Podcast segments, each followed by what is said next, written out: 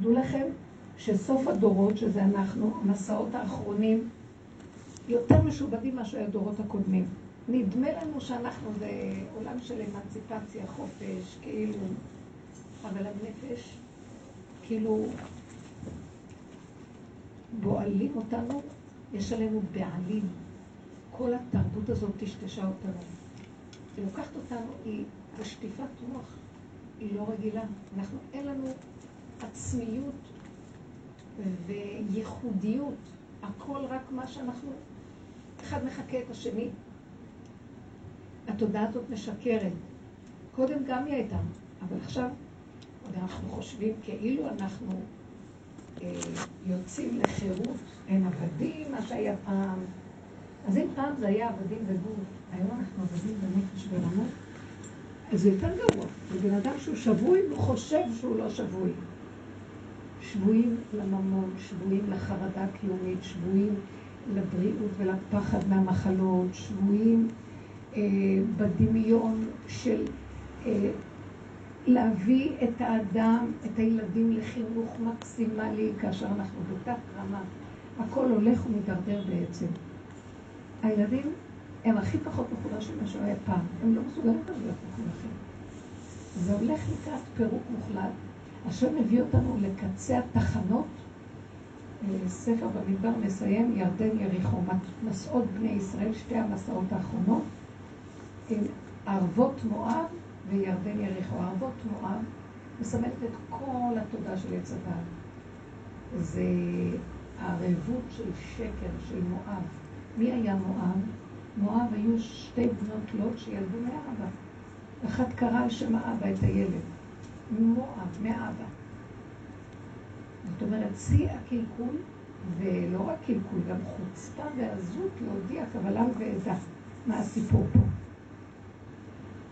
אז שיא התודעה הזאת, היא כאילו מראה לעולם, כאילו אנחנו כאילו לא שמים לב, יש לנו חוצפה מאוד גדולה, עזות גדולה, אגו מאוד גדול, גנבת דעת נוראית, אפילו לא מתביישים. אנחנו אין לנו טיפת יראה באמת. כי למה? כל מה שאנחנו עושים עכשיו כדי לקבל הכרה שאני משהו. אפילו בעולם המצוות, התורה והמצוות גם כן. אני רוצה להיות צדיק, אני רוצה להיות מושלם, אני רוצה להיות אה, הכי חכם. אני לא... נכון שזה לעומת זה יותר טוב להיות הכי כזה מה שהכי כזה, אבל גם כן זה לא לכבוד השם פה כלום. אם הוא הכי לטובת עצמו, זה הכי לטובת עצמו בהפקרות, וזה הכי לטובת עצמו באצטלה ברבנן. גם שקר, גם מסוכן, כי אנחנו צריכים לעשות הכל. לכבודו יתברך, מי אנחנו בכלל? אנחנו רק הכלים שלו, ואין לנו מציאות עצמית. עכשיו, כל התיקון בעולם התורה, היינו חייבים ללכת כי אנחנו גנובים ואני.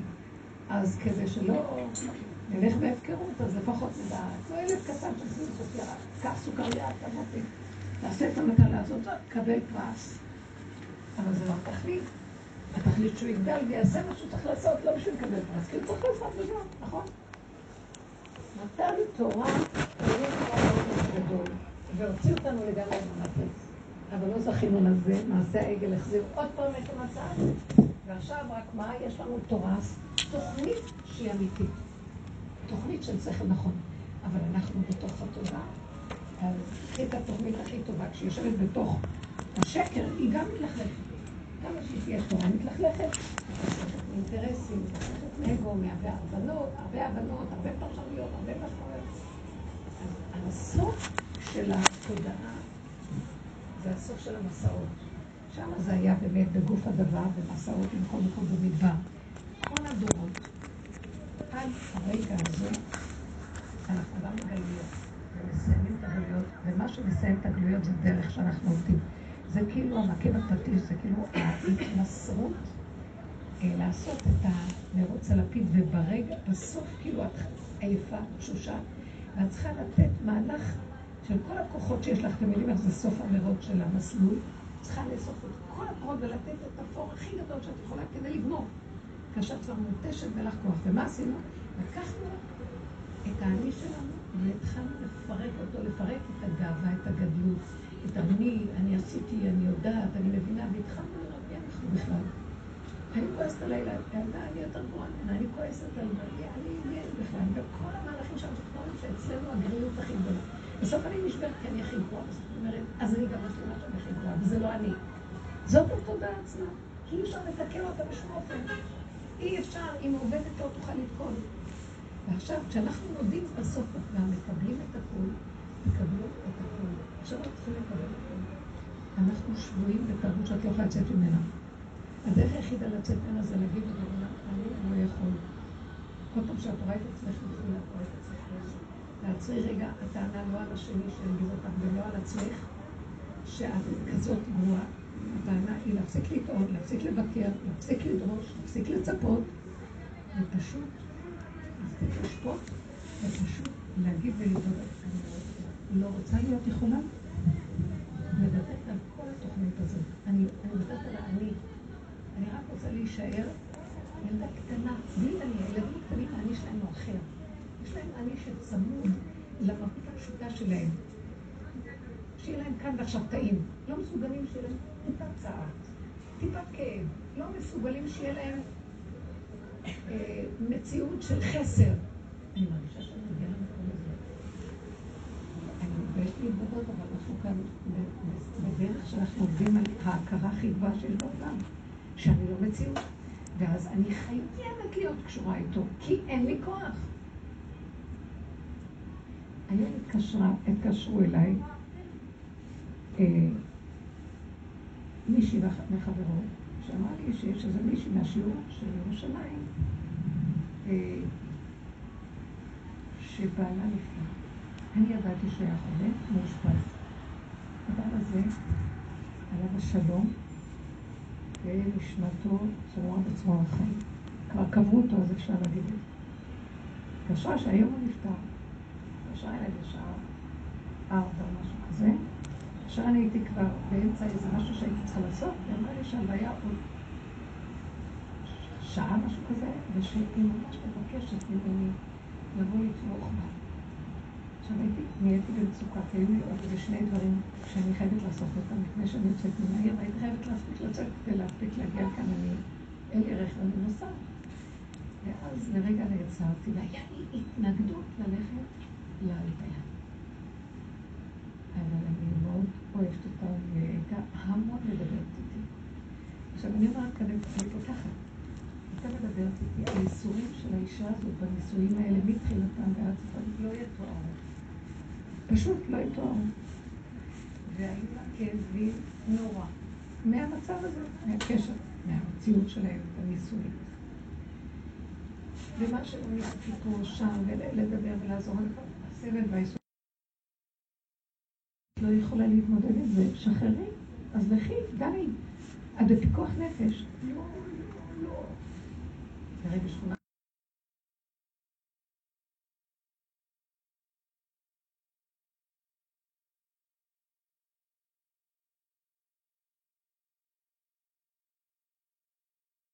קיבלו את החולה הקשה והכניסו אותו לאשפוז. אז אה, היא הייתה נסערת. ואז הסתכלתי עליו ואמרתי לה, אני אתפלל עליו. אז היא הסתכלה עליי, ולרגע לא ידעתי, מה? לא רוצה לדבר. לא רוצה לדבר. אבל זה תמיד קשה, זה תמיד השוק. אנחנו לומדים סוף סוף, ובכל אופן, עם כל הכאבים. ואז אה, היום קיבלתי את ההודעה, וההודעה הייתה שמאוד מבקשת, היא צריכה את התמיכה בחיבוק בדיבורים. ולרגע, איך אני אעשה, איך אני אעשה, נכנסתי ללחץ. פתאום אמרתי, שאני לא מסוגלת לקיים את המצוות האלה כמו... זאת אומרת, לא את המצוות, אני אוהבת את המצוות, מתה על התורה, אוהבת את התורה, אני חושבת שזה... זה ככה, זה אני, אני לא יודעת להסביר לכם את זה. ואמרתי אז אותי, אז אני צריכה ללכת, עכשיו...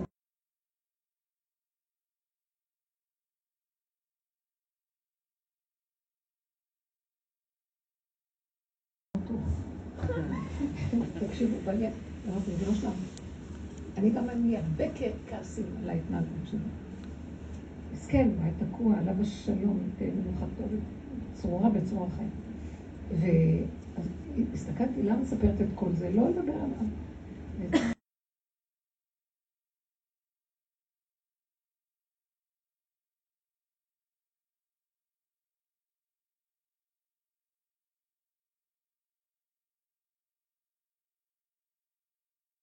לפני הכניסה לארץ ישראל.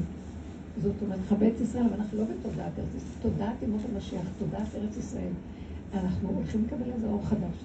והילדה הקטנה שלי כבר מתחילה לגלות את זה, ומה היא רואה? שאי אפשר לקבל את התודעה הזאת ואני אשקר לעצמי. אני אשקר ליחידה שהיא לא מסוגלת. עכשיו גם כל הדורות לימדו אותנו, את לא יכולה לעשות מה שאת רוצה. יש שכל נכון, יש כיוון נכון, את צריכה לעשות מה ש... עכשיו פתאום, המצב הוא שהבשר שלי לא שהוא לא המצווה, את המצוות, אבל לא בצורה הזאת שאני לחוצה ואני חייבת.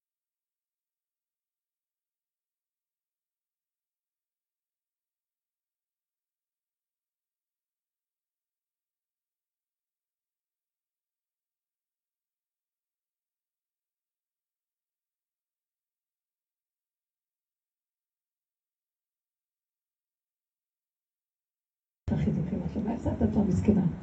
אתם מבינים? האמת ככה יצא לי בצורה כזאת. אנחנו בשיעור של אמת, כן, בקומת אמת. ואז אמרתי, אני, אני, זה, ללוות יהודי זה דבר מאוד גדול. עכשיו, זה תלוי, זאת אומרת, התודעה החדשה אומרת, מצוות זה דבר מדהים, התורה זה דבר מדהים, אבל מה שקרה בגלות, ניתקנו את המצוות ואת התורה מה, מבשרי. התורה שבעל פה, מבשרי, מהמהלך של הדעת שבתורה ביחס לזמן, למקום, לאפשרות שלי, ליכולת שלי, לאמת ש, ש, שהיא שייכת לי. סגרנו את החלק הנמוך, גלינו מארצנו ונתרחקנו מעל אדמתנו, ואנחנו עפים עם המוח עם ספריית הערכים, אז צריכים ללכת לספרייה, אבל, אבל אם את לא יכולה, אם את לא חוצה, גם התורה לא תיתן לך לעשות דבר שאת לא יכולה, אבל אנחנו לא מקשיבים לזה, כי האני הגדול, הצדיק העליון שצריך לעשות כל דבר, כי זה תורה וצריך להיות לו יראה, פתאום ראיתי שזה לא היראה.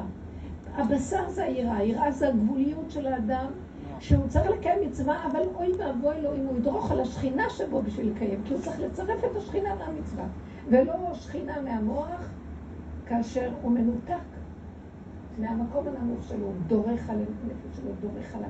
ואני כבר לא מסוגלת לסבול לחץ, לא מסוגלת לסבול צער.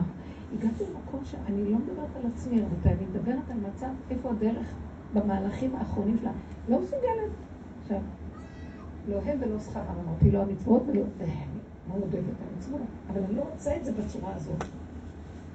השכר הכי גדול של המצווה זה שהיא מתיישבת על בשרי, והיא מתייחדת כמו זיווג קדוש בין הדעת לבשר, חיבור. היא ייחוד קודשא בריחור שכינתה. האור של הדעת יחד עם השכינה ש... קיימת בחלקים הפשוטים של הטבע הפשוט. הולך ביחד נהדר, לא? אז כאילו את רצה רק עם הזכר האלמן הזה, והנקבה שלו בגלות. אתם מבינים איך אנחנו חיים? והיא צועקת, היי, עזבתם אותי לבדם. אני לא רוצה זה ככה. ואז התבוננתי ואמרתי, ריבונו של עולם, ואז התחיל המצפון.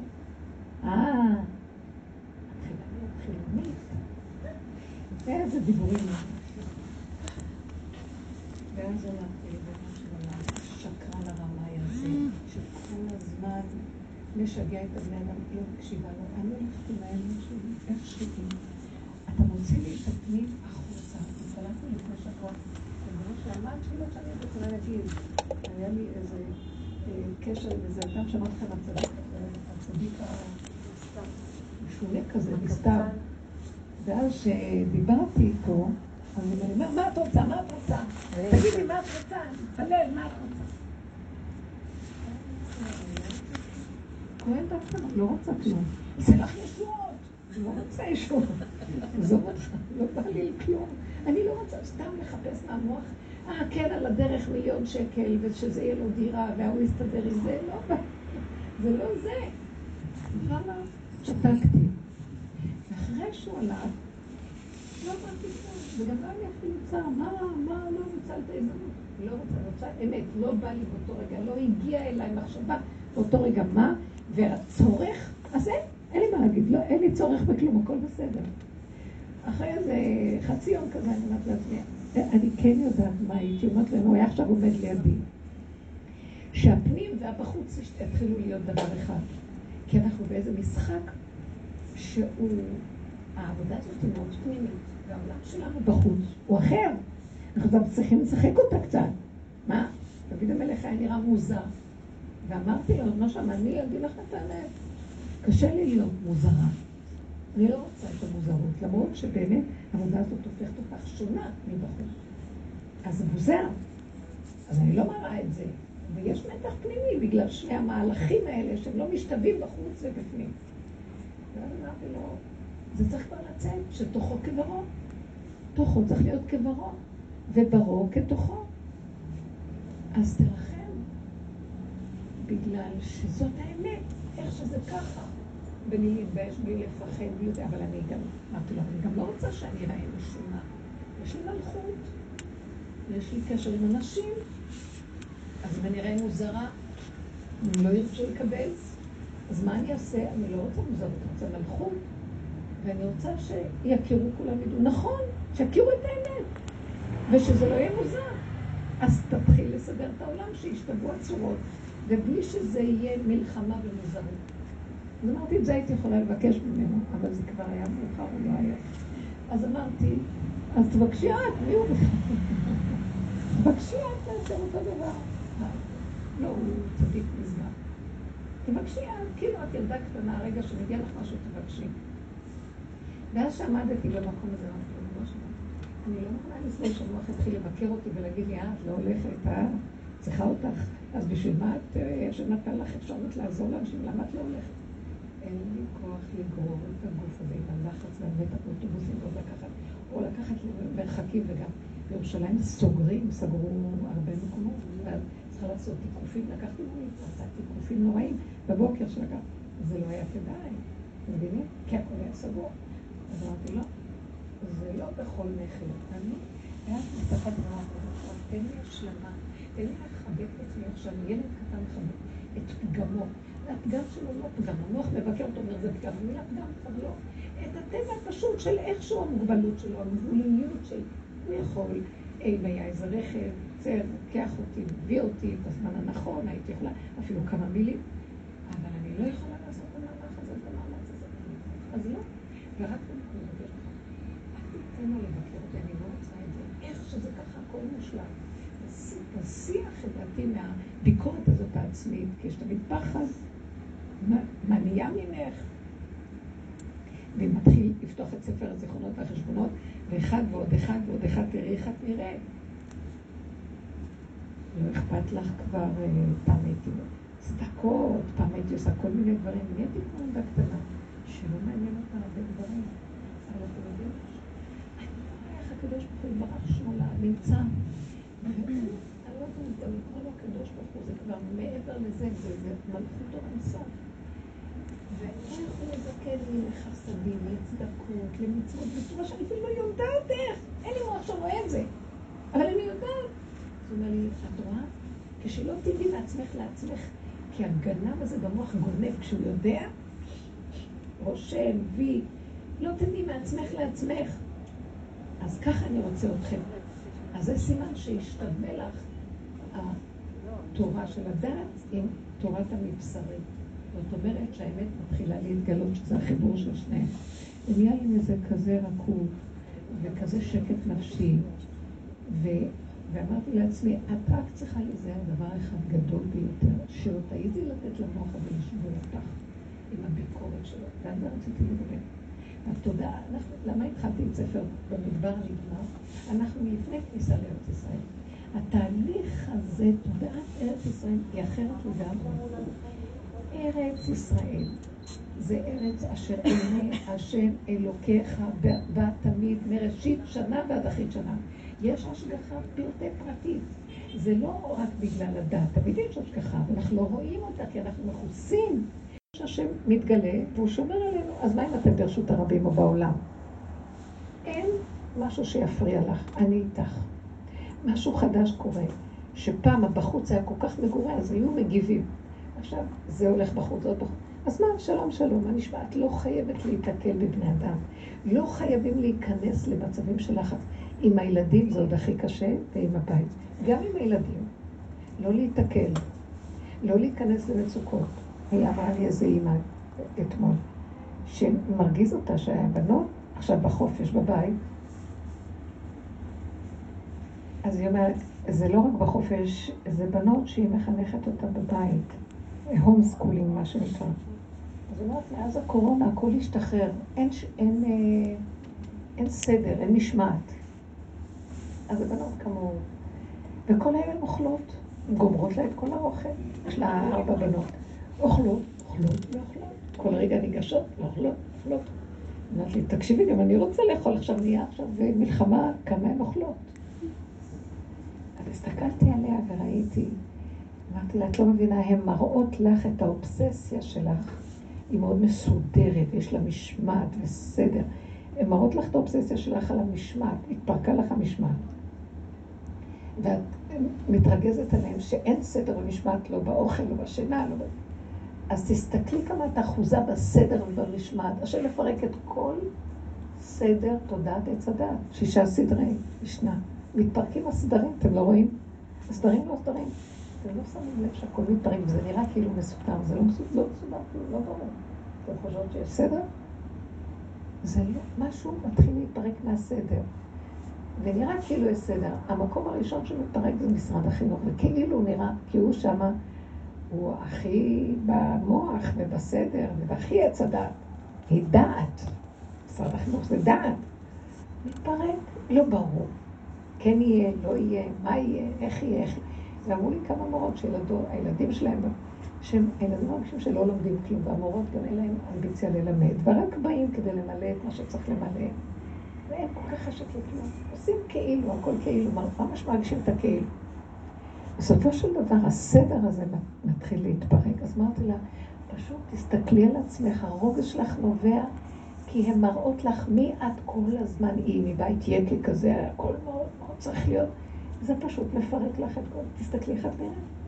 אז תתחילי לבקש מהשם רחמים. הוא משחרר, הוא נותן לנו את הספיחים האחרונים של ההתבוננות. זה לא אף אחד אשם לך, תסתכלי על עצמך. אז תגידי, אז מה, לא יהיה סדר בעולם? את יכולה לבקש מהבנות. את יכולה לעשות כללים מסוימים, אבל לא מה את עושה. זה איך שאת עושה מה שאת עושה. כי את עושה את זה עם רוגז, עם תסכול, והיא יוצאת מדעתה, היא מטריפות אותה. אתמול פשוט אומרת, ישבתי ופשוט בכיתי, כי היא מאבדת שליטה. והיא לא יכולה להכיל את זה שהיא מאבדת שליטה. עכשיו כל אחד יחפש את הנקודות שלו. ואז אמרתי לה, את יודעת משהו? את צריכה להיות נבונה. כי אנחנו כן עוד יש לנו עולם, וכן אנחנו רוצים סדר מסוים. אבל הסדר צריך להיות רפוי, כי גם הבריאה יש בה סדר. יש יום, יש לילה, יש חורף, יש קיץ, יש זמנים ויש סדרים. אבל בלי אגו, זה של השם הכל. בלי ישות. תשתלבי ברכות עם המציאות, ושתדעי לעשות שיהיה בבוקר אוכלים ארוחת בוקר, ואחר כך יש הפסקות שלא אוכלים. אבל אל תצאי, יש לה, כאילו, אה, לא שמה לב, אמרתי לה את זה, שהיא שמה עין רעה על הילדות, הנה עוד אחת אכלה ופתחה את המקרר, וזאת הוציאה זה, וזה, כמה הן אוכלות וכמה... אמרתי לה, את יודעת מה? נשים רחמניות בישלו ילדיהם, אנחנו מבשלים את הילדים במו ידינו. מה העין הרעה שעוקבת אחרי הילדים ומבקרת אותם? תזהרי לך מזה. תרדי, כי את סיפרה לי על איזה ילדה שהתחילו כל מיני ניחושים בגוף וכל מיני דברים, אמרתי לה, תזהרי לך, כי אותה היא הכי מבקרת. אז אמרתי, תקשיבי, מתוקה שלי. כשאת קונה פירות, ירקות, היא קונה אוכל טוב, היא שומרת. קחי חצי ותכניסי אותו לתוך ארון רק שלך עם מפתח. מה יש מותר לך? אף אחד. זה יהיה רק שלך, ושהם לא ייקחו לך את כל מה שגם... כי כן, היא רוצה גם לעצמה שיישאר משהו. זה מאוד מתוק. אמרת לה, תעשי, תעשי דברים קטנים פשוטים, בלי רוגז, בלי כעס, בצורה כמו ילד קטן שרוצה שיישאר לו, ושלא ייקחו לו. מה, אז אני אסתיר מהן, אז יותר טוב שתבקרי אותם. תשימו לב איך הצדקות עובדת. לא נעים לי לעשות להם את זה, אבל יותר טוב לשחוט אותך כן נעים, ולשים עליהם עין רעה שגומרת עליהם. מה, מה? לא אמרתי לא נעים, אמרתי שאני תמיד עושה את זה. חוכמות קטנות. אה, לסגור את הארונות, לסגור איזה זה, לסדר את זה, שלא יהיה להם גישה או שלא יהיה להם כל מה שהן רוצות. זאת אומרת, הסדרים נשארים, אבל הם לא שלנו. המצוות נשארות, אבל הן לא של האגו. התורה נשארת, אבל היא תורת השם תמימה, ישיבת נפש. אני, אנחנו היינו צריכים לעשות את התורה שלנו, את המצוות שלנו, אבל כשעשינו את זה שלנו, תחת חסות האגו, אנחנו גם גונבים ומרמים, ומשתמשים בתורה כקרדום לחפור בה, ומתגדלים על חשבון התורה, זאת אומרת, עושים לעצמנו כתר, שכולם יראו מי אנחנו, ואנחנו גוזלים את השם. זה לא המהלך הנכון והאמיתי. על כן, כל המהלך הזה שעכשיו אנחנו עוברים הוא לנפות בדרגה יותר דקה קצת, ולהתחיל להבין. העולם יישאר כמנהגו נוהג, אבל בלי הביקורת, בלי המוח, בלי העצבים והרוגז, בלי העין רע, עין רע זה בא מהמוח, מחשבות רעות, עין רע, אה, בלי לשון הרע, בלי להיתקל עם בני אדם. בני הבית הם לא קלים עליהם. אז uh, להתרחק מהם קצת, להרפות. תזהרו מהמוח. זה בסדר גמור. כאילו מה שאת נותנת תחושה לשני זה לא חשוב בדרך שלנו. חשוב, כשאת שותקת, בתוך הנפש את לא מקבלת את הלשון הרע. את לא נותנת לזה כוח וממשות. הדרך הזאת שאנחנו עובדים עליה היא השורש של טיפול בלשון הרע. למה? כשאת, מישהו מדבר לשון ואת מסתכלת ואומרת, הוא מדבר על ההוא וההוא, ואני בדיוק עושה אותו דבר בדבר אחר. ואת מתחילה לשחזר ולהשתלשל פנימה לתוך עצמך, ולהכיר את הפגם שלך, שאת בעצם בעיקרון, אותו עיקרון בצורות שונות. אז את באותו רגע עוזבת אותו וגם לא שומעת אותו עם כל הלב, כי את מסתכלת על עצמך. תמיד כשאתם נמצאות במצבים האלה, תסתכלו על עצמכם, תראו את התגובה המיידית. במקום להישאר בצדקות, בגובה, ולהגיד, הוא אומר לשון הרע, טוב, אני אלמד עליו זכות. טוב, אז אני אשתוק, ואני לא... זה מין שתיקה פסיבית, אבל בלי לשים לב, את כבר בעצם נמצאת בצד שלו. תוך כדי זה שההוא מדבר, כנסי את לתוך עצמך ותפרקי את הלשון הרע על ידי זה שתראי שאת יותר גרועה ממנו, ועכשיו שאת יותר גרועה, תגידי, אין לי מה להגיד על אף אחד, קודם כל על השני שמולי, וגם פתאום כל הלשון הרע בשורש מתבטל, כי אנחנו רואים את הנחש של עצמנו. זה עובד כבר, זה שומעת מבחוץ משהו, את אומרת לי זה כל כך יפה, המצלמה הזאת שמלווה אותנו בדרך. כי מה שאני אמרתי, כל הגלויות וכל המסעות במדבר, אז הם הוציאו החוצה. סור מרע ועשה טוב. פעם נפלו ברע, ואחר כך עשו תשובה ונהיו טובים. באנו אנחנו בדרך לקראת הסוף, במסעות האחרונים, ואנחנו רואים, כל הפגמים שיש בחוץ זה אנחנו.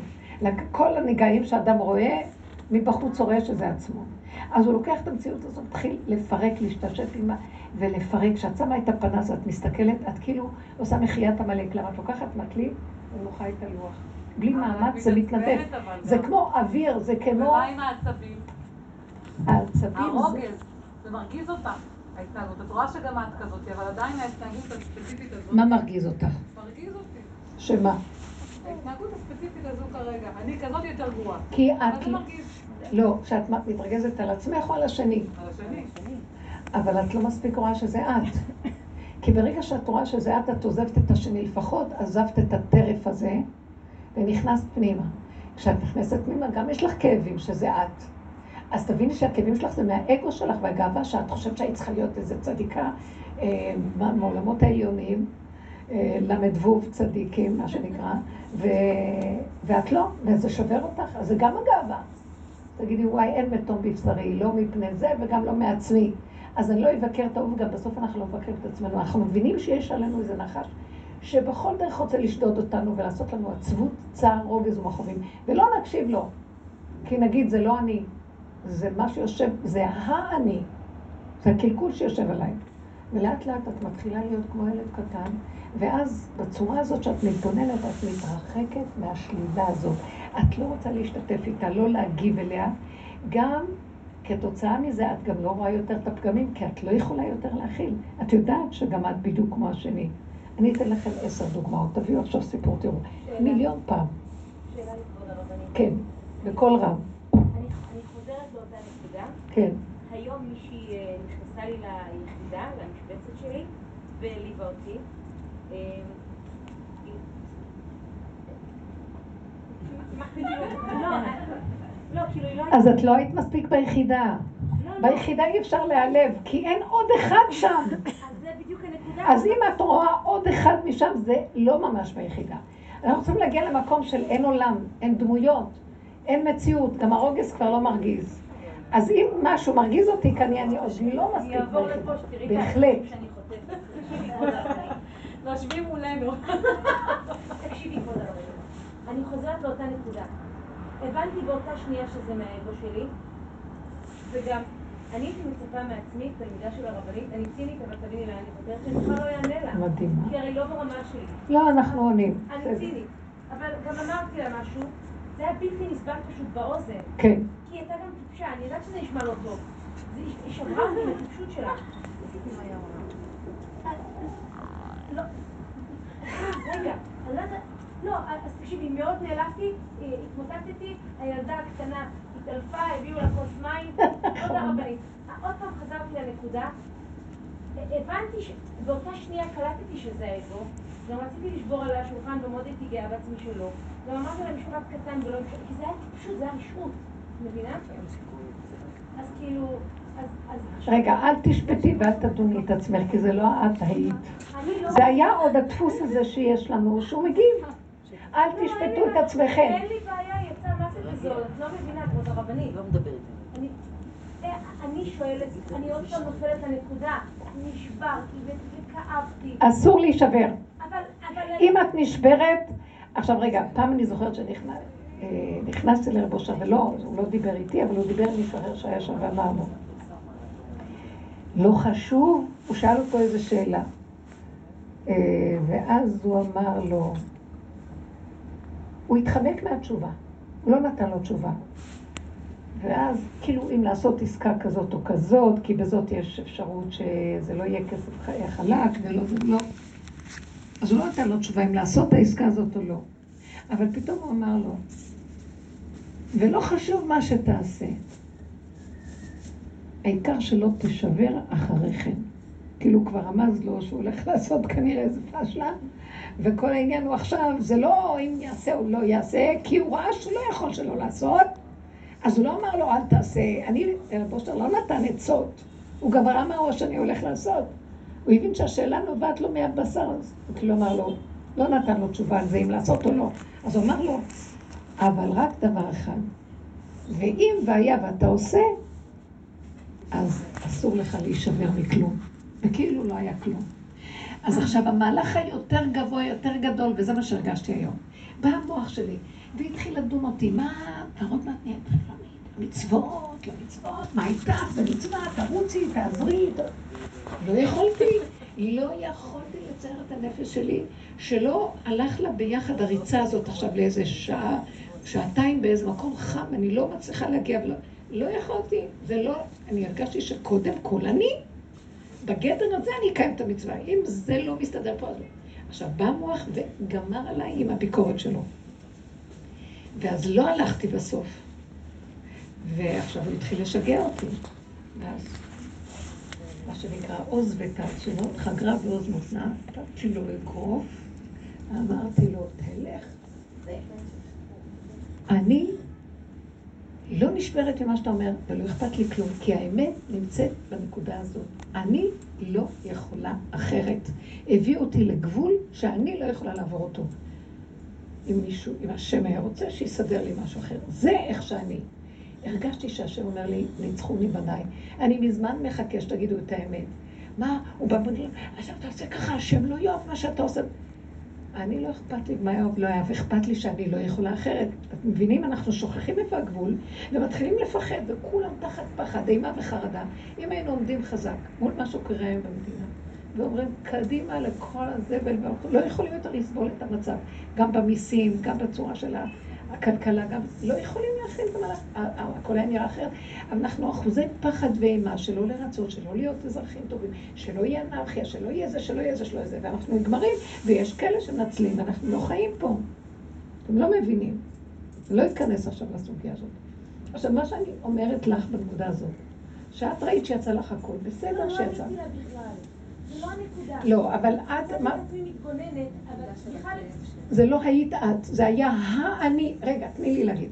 תבדילי בין האני לבין העמדה הקטנה שבך. זה לא הייתה היחידה שלך. אם היה לך את הכעס עליה ואת... אבל זה בסדר, זה בסדר, אל תישברי מזה. למה כאב? למה כאב לך?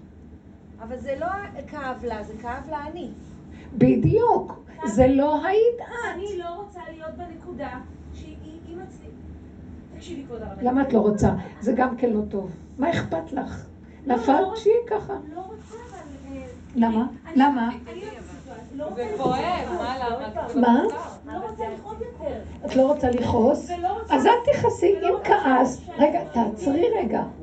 את לא רוצה לכעוס? ואת כועסת. לא, לא רוצה לכעוס. היא צריכה להעליב אותי. את לא רוצה? לא אז אני אגיד לך מה עושים. את לא יכולה להימנע מזה שהאגו היה זריז יותר ויצא לו והוא כאב, כי ממנו הכאבים. אז תסכימי, תגידי, אז תכאב. תראה, תכאב. אתה רוצה לסבול, תסבול. תתחילי להפריד את עצמך ממנו בתודעה. תעשה מה שאתה רוצה, מה זה קשור אליי.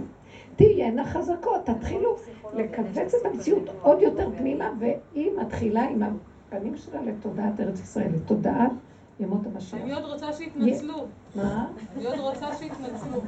שמה יעשה? שיתנצל. שעוד יתנצל, או שעוד- הוא יתנצל. טוב, את צריכה להחליף את המקצוע של עורך דין. זה בא לך מזה? טוב, אני אני יכולה, אני, אני, אני... כן.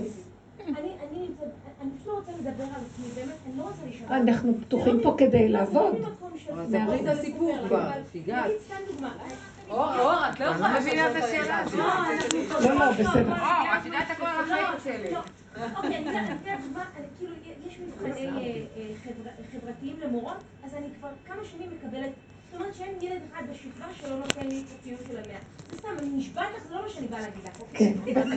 הילד, לא, לא, אבל זה חשוב לי שתגיד, הילד הכי ביישן בכיתה, אחד ששותק ולא מוציא מילה, הוא הופך להיות, זה זה באמת לא אני.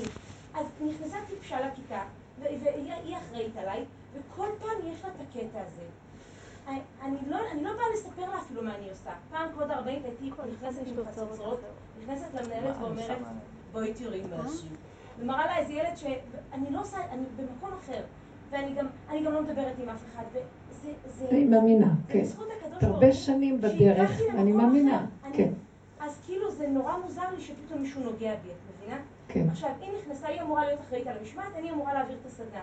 אז הת- התלמידים, שאני, באמת כאילו, אני תולשת שערות בדרך, כדי שכאילו זה שהביישן, אז הוא ימצא את הפינה והוא יעלה לבמה, וזה לא בשביל שהוא יגיד שהוא יהיה שחקן, ילד בכיתה א', איזה טיפשה היא. זה היה כדי שהוא יצבור ביטחון עצמי, ויקבל איזה מנה אחרת, לא שייתנו לו על הראש, וישב. כן. זה כל הכוונה הייתה, כי תמיד הוא יקבל על הראש, כי זה הילד המוחלש, לא משנה. אז עד שהעליתי אותו, אז הטיפשה הזאת באה ואמרה לי, תקשיבי כבוד הרבנית, והילד שומע. היא עומדת מול כל הכיתה ואומרת, תגידי, באמת אני שואלת אותך, הם חייבים לעלות לבמה ולדבר שטויות? עוד שנייה הייתי מורידה לה שולחן על הראש. הייתי בהלם, עכשיו, יש לה איזה קטע איתי, כי היא רוצה שאני אעשה משהו שאני לא מוכנה, כי זה נוגד את כל הדרך. אז כאילו, כל הזמן אני מנסה להוכיח, אני גם לא באה להגיד לה, תקשיבי, אני מקבלת 100 כבר עשר שנים מצד התלמידים. זה בכלל לא הנקודה. ואז הטיפשה שלידה אמרה, זה נורא משעמם. כאילו, הס- הסייעת, כאילו, אין לך מה להגיד, תשתקי. וגם, אני מבין, נגיד יש ילד שלא מדבר, אז אני עושה בכוונה כאילו לא ראיתי ואני מדלגת עליו. כן. אז היא באה ואומרת, למה? אז כאילו, גמרה לי את הילד. מבינה לאן אני חותרת? כן, מתערבים לך. אני מודה. זה מעצבן. אני בולעת צפרדעים. לא, לא, את לא מבינה. זה לא הנקודה, הנקודה היא, כאילו היא באה ואומרת לי, או, באמת, אני לא מבינה, למה הם צריכים... והשטויות שהם אומרים, אין לך איזה דרך ללמד אותם משהו? כאילו, אז התחלתי לה- להגיד לה, אבל זה בדיוק הנקודה. הנקודה היא ש... שלא לא להגיד לילד מה להגיד, אלא לא משנה. מצאתי את עצמי מצטדקת, ואמרתי לעצמי, איזה מטומטמת את, את בכלל לא בדרך, כאילו, מה את עושה? את מבינה? כאילו, זה, הנקודה. ועוד, ותקשיבי, היא גרמה לאגו שלי, היא- רמסה לי את האגו, אני יודעת את זה, זה קורה לי באותו רגע. הפכתי להיות ילדה קטנה, כשנכנסה לכיתה השנייה, הייתי כל כך מופגזת, ש... לא נשארת עם כוחות בשבילנו. בדיוק. אני מודה, זה הכל אגו, זה לא כן, משנה. כי כן. באותו רגע לא נשאר ממני כלום. באתי הביתה, התקשרתי, את סיפרתי את זה נגמר. אבל באותו רגע לא נשאר ממני כלום. איך בן אדם, עזבי בן אדם שבדרך, מגיע למצב שמישהי אומרת לו משהו, הוא הופך להיות ג'וק. גם ככה הוא ג'וק. אם הוא לא היה ג'וק, אז הוא לא היה מבינה, אבל לא רוצה להיות ג'וק. פעם הרבנית אמרה שאם אנחנו נותנים אה, משמעות לישות שעומדת מולנו, אז היא מקבלת כוח. כאילו אולי, אה, אולי העבודה במקרים כאלה זה כאילו להוריד את המשמעות של הישות? אני שואלת. ברור, אבל אה, היא עכשיו מתארת מצב שהיא לא יכלה לעשות את זה. אז מכל הסיפור אנחנו רואים שהתפקיד שלך שם, את לוקחת אותו ברצינות מאוד, ואת שכחת שאת העיקר ולא הילד ולא אף אחד. וזה איך שבא משהו להכשיל אותנו. אותו אגו מצטדק, את כל כך אוהבת את הילדים ואת רוצה לעזור להם. וזה מה שהיום, אני אמרתי לכם, הגעתי למקום שאני אומרת לעצמי, לא אכפת לי מאף אחד, בן אדם נפטר, לכי תתמכי, בן אדם בצער, לכי תתמכי. אה, ואז אמרתי לעצמי, יא, לא אכפת לך מהעולם. את נשארת, את חיה רק לעצמך, ולא אכפת לך מהעולם.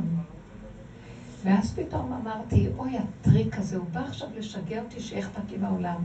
אני לא רוצה שיהיה אכפת לי מהעולם. אני רוצה, בורא עולם, שאתה חי וקיים, תתגלה, ולך יהיה אכפת מן העולם. תנהיג אותנו, תוביל אותנו, תדריך אותנו. העולם שלך זה עוד שחיטה של הרצון שלי ללכת לקיים את המצווה הזאת, ולא רוצה לעשות את זה, ולעשות את זה. נכון שאנחנו אוהבים את המצוות, אנחנו רוצים שהשם ישתתף בתוך המצווה, ולא האני שלי ירוץ. איך אני יודעת? כדבר הכי קטן שאני, מרוב שאני כל כך אוהבת את המצווה, באה לעשות, השני מרגיז אותי, ואז אני רבה איתו, מת- מתקוטטת, וזה למען המצווה, איזה מצווה ואיזה נעליים, איך שאומרים. זה היה ישות שנגנבה בשם התורה ובשם השם, ואני עושה אותה קרדום לחפור בה. וזה מה שעכשיו אנחנו צריכים לעשות. לתת לו הכל, הוא רוצה שניתן לו הכל, הוא יסגור אותנו עוד פעם. עד שלא יישאר כלום, תנו לי את הכלום שלכם. כלומר, יש לך כאן מסירות מדהימה, ואת אה, באמת, ואני מאוד מבינה את הכאב שלך. זה מאוד קשה לחיות בתרבות השקרית הזאת. היא חיה בעולם של עבודה מדהימה, אנחנו כולנו רואים ויודעים. ויש לי הכרת הטוב עצומה בתלמידות, ובזכותכם ירד מה שירד וממשיך לרדת, ואולי בתהליך מאוד, מאוד שכבר מתחיל לרוץ. אבל את נשארת בפנים עם זה, והבחוץ, את עובדת במשרה כזאת שהבחוץ, איפה את ואיפה הוא? איפה אלה שעובדים ואיפה זה? זה עולם של ישות, אז אפילו לא עולם שתגידי של תורה, שיש לה איזה יראה או איזה משהו. עולם מלא ישות וכוח, וזה המפקח על זה, על המנהל הזה, וזה על ההוא, וכל אחד רוצה להרש, להרשים שהוא משהו בתפקיד שלו, והכל גנוב. והיא באה עם האמת הפשוטה שלה, ודרכו עליה עם השקר הזה, וזה מה שאמרתי לו. ריבונו שלהם, אתה רוצה אותנו בעולם, כי אתה רוצה להתגלות בעולם, ואתה צריך שלא נברח למדבריות ולא נלך על איזה הר גבוה, אז תחליש את הכוח של העולם ותיתן לכוח של האמת לצאת, שיהיה לו מקום. ושלא ידרכו עליו ויבזו אותו ככה. אז אמרתי לו שתוכו יהיה קברו. שאנחנו מכסים את זה בחוץ, ובפנים אנחנו משהו אחר. זה מתח מאוד גדול, צער מאוד גדול. היא לא יכלה ללכת לכיתה הבאה. זה גומר לבן אדם. נכון שאנחנו נגיד, זה האגו, זה לא האגו, זה כן ההוד. יש איזה משהו כאן בפנים, שזה אפילו, הייתי יכולה להגיד, זה האחיזה שלה הגדולה בדבר, אבל זה מאוד קשה לשחרר, כי באמת באמת היא באה מנקודת אמת. באה והרשע הזה, הפליק לה על הפנים, כאילו ירק לה בפנים עם נקודת העבודה האמיתית הפנימית שלה. זה שכינה שבאה רבנית. וזה זה- צעה. זה נראה לי יותר השכינה שבאה. נכון, לא היא אמרה היחידה, היא קראה לזה היחידה, ואני יכולה לחזור בי ולהגיד, זה נכון, אבל באיזשהו מקום יש מדרגה יותר גדולה שהשם רוצה אותנו, שתלכי חזק עם הנקודה, אז בואי ניקח, בואי ניקח את זה באפשרות אחרת. היחידה שלך, אם זה זאת, אסור לך להתערבב איתה, זאת אומרת, אסור לתת לאישה הזאת וזה להכאיב לך. אצלי זה היה במוח, כי אני כבר נזהרת מהעולם מאוד. אני נזהרת מאנשים. אני כאילו, היי, היי, ביי, היי, ביי. אני לא מתקרבת מדי. מילה שתיים, שלוש. לא חשוב מי ולא חשוב מה. בני משפחה, מה לא. אז אני נראית שאני נמצאת במצב שיש לי איזה משהו והוא ממש דרכו עליו באיזה נקודה, אתם יודעים מה? אני יכולה לצאת. אני יכולתי באותו מקום, אם היית במקום הנכון, לצאת ולהגיד לה בצורה מאוד מאוד פשוטה. תזוזי הצידה ואל תפריעי לי בכיתה, זה לא עכשיו המקום שלך להיות פה. את יכולה לעמוד, להסתכל. יש לך הערה, תעירי לי בחדר מורות או בחדר מנהלת. כרגע פה אני באמצע מול תלמידים, ואני לא רוצה הערות בשום צורה. אני עובדת עבודה מאוד פנימית, ואני רואה דברים שאתם לא רואות פה. אז בבקשה לא להפריע. עכשיו, רגע אחרי כן תגידי, מה אמרתי? לא אמרתי, איך העזת, לא העזת. ככה זה, וזהו זה. אם תצאי עם כל החוזק שלך בצורה של אין עולם, אין דמויות, יש נקודת אמת, זה הוכחה של היחידה לגמרי. כי היחידה היא חזקה. היא אין לה אפשרות אחרת להיות רק חוץ ממה שהיא. מה שקרה הוא שעדיין יש לך את נקודת היחידה ואת מחזיקה, אבל אין לך כוח להוציא אותה ולעמוד מול העולם בחוזק. או אצלי זה היה מול המחשבה שלי, התחיל לבקר אותי ולרדת עליי, ותראי מה, ואז הזכיר לי גם את המתק של החשמל של הקומקום של שבת, וכל הסיפור הזה, ואמר לי, וואו, הלך עלייך, תראי מה, אחד ועוד אחד שווה. פתאום אמרתי לו, תלך מפה, ואתה לא תיכנס אפילו, לא, לא ייתן לך אפילו מקום אחד בדריכה. כזאת אני, וזה מה שאני, וזה השם אוהב אותי, אני אוהבת אותו. זה הילדה הקטנה שלו, שאין עליה עוררין. אין ביקורת, אין אה, שיפוטיות, אין לרדת, אין צער ואין רוגז. אז הבנתי שהמבחן האחרון יהיה, את תישברי ממנו? בשום אופן לא, כמו שאמר רב אושר, אתה לא תישבר. כאילו כלום לא היה, לא נברא ולא היה, סליחה. אומרת לו, מה אמרת? לא אמרת. לא רוצה לענות ולא רוצה לדבר. הברירה בידיכם לפטר אותי. הם לא יעיזו, כי האמת היא כל כך חזקה ויפחדו ממנה. תדעו לכם, העוצמה של האמת היא מאוד מאוד גדולה. עכשיו, אני לא הייתי צריכה לצאת החוצה, כי אני לא רוצה להביא את העולם הזה בניסיון. אני פשוט מבפנים חותכת את הנקודה, כי הוא יכול לבוא ולגמור עלינו במחשבות גם. אתם מבינות מה אני אומרת? זה דוגמאות נוספות. אז לא חשוב, מה שקרה לך ונשארת עם הכאבים, יכול להיות שהשם דורש ממך לצאת עם זה חזק החוצה. בלי להתבלבל מאף אחד. עכשיו, זה שעת גאולת היחידה לגמרי. אין עולם, אין דמויות, השם אומר, זה אני, מי כאן פה?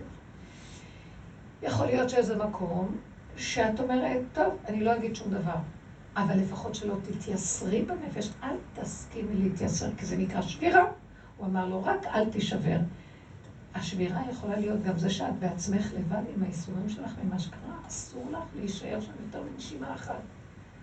לא להשתהות שם, לא להתבוסס שם, כי זה, זה, זה, זה מכאיב לשכינה. היא כואבת, את כאובה היא כואבת, אל תרשי. לא שווה כפרה שום דבר שיכאב לשכינה הקדושה. הבנת אותי? ותהיי חזקה, כי את צודקת וזאת האמת. זה לא צודקת של צודק מול עץ הדת. זאת נקודת האמת, בגלל זה הכאיב לך. אז תקחי אותה להשם ותגידי לו, ריבונו שלנו, תן לי עוצמות, תן לי חוזק, תנצלו את זה כדי, עכשיו זה תהליך של גילוי השם. תתגלה על היחידה הזאת שנמצאת לך פה.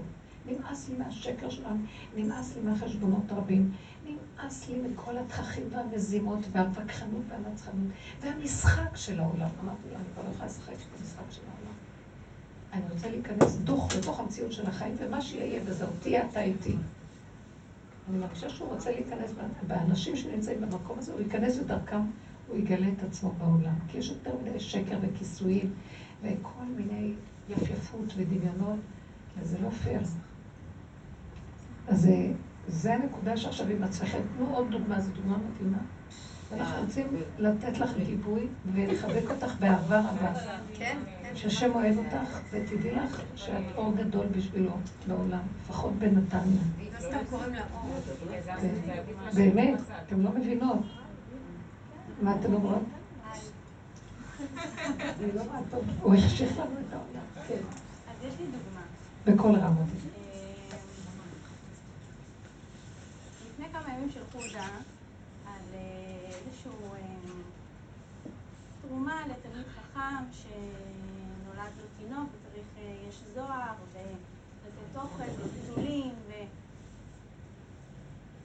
כבוד הרבנית, אני באמת, לא בגלל משהו, אבל תמיד אני נותנת ועושה באמת כן. מכל הלב. אז ובתקופה מאמינה. האחרונה, אני מרגישה שאין לי כוח. אין לי כוח לקבל את ההודעות האלה. מדהים.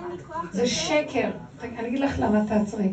מי צריך את כל המכשירים האלה? השתגעתם תגידו? כל מי שיש לו משהו, הודעות, אה, כל מיני, אה, כי זה איזה צדק חברתי, אהבה חברתית, איזה גיבוש חברתי, לא יודעת מה. לא נוכל לחיות ביחידה ככה, ת- תסגרו את הכל, תסגרו. רק מה שמגיע עד אליכם הכי קרוב.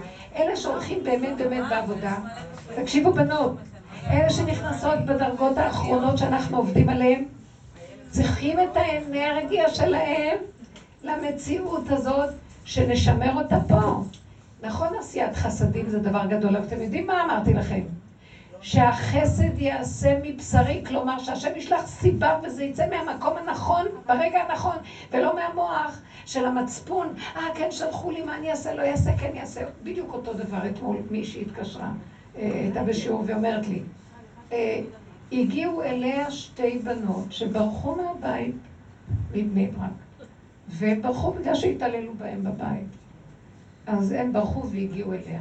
למה הגיעו אליה? כי פרסמו את זה בזה, פרסמו גם כן, ואמרו מי מתנדב לקבל את הבנות האלה אליו עד שנמצא להם סידור כעובדות סוציאליות עכשיו בשביתה או כל מיני דברים כאלה. אז היא אמרה, אז אני התנדבתי, כי היא עבדה פעם עם סוג כזה של בנות, והיא נורא טובת לי ומתוקה. אז היא התנדבה, ואמרה, אבל אני כן מבינה בסוג הזה, ואני מכירה בצרכים שלהם, ואני רוצה לעזור להם. התנדבה לקבל אותם אליה הביתה. אבל לא עברו יומיים, והנערות המתוקות האלה לא מתלבשות בצניעות בבית, יש לה בנים בבית. אז היא אמרה, אני לא יודעת מה לעשות, היא באה להתייעץ איתי, אני לא יודעת מה לעשות. היא הייתה במצוקה. פתאום אני ראיתי את כל הגדלות הזאת, שרוצה לעזור, רוצה לעשות, רוצה לפעול, ורוצה כי היא יכולה שיש לה. היום אני מתה מפחד מה"אני יכול". ישר יראו לי מהצד, איך אני מצד אחד אני יכול, מצד שני אני אשחוט גם את מי שהכנסתי אליי הביתה. ואז היא אומרת לי, יש חיכוך, יש זה, יש פה כזה, יש כזה, וזה קשה לי איתה. ואז אמרתי, את יודעת מה אני אומרת? אין שתי שכינות בבית אחד. שתי נשים בבית אחד יאהבו אחת את השנייה.